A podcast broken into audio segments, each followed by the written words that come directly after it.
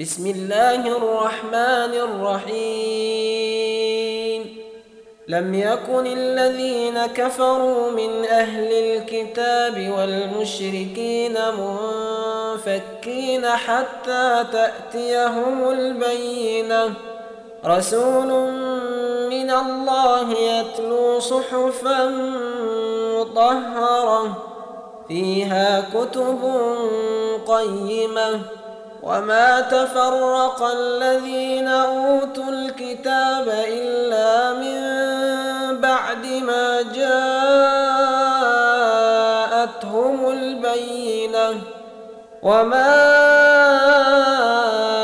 أمروا إلا ليعبدوا الله مخلصين له الدين حنفاء ويقيموا الصلاة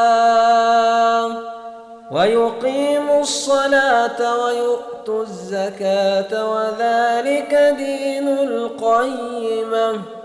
إن الذين كفروا من أهل الكتاب والمشركين في نار جهنم خالدين فيها. أولئك هم شر البرية. إن الذين آمنوا وعملوا الصالحات أولئك هم خير البرية جزاؤهم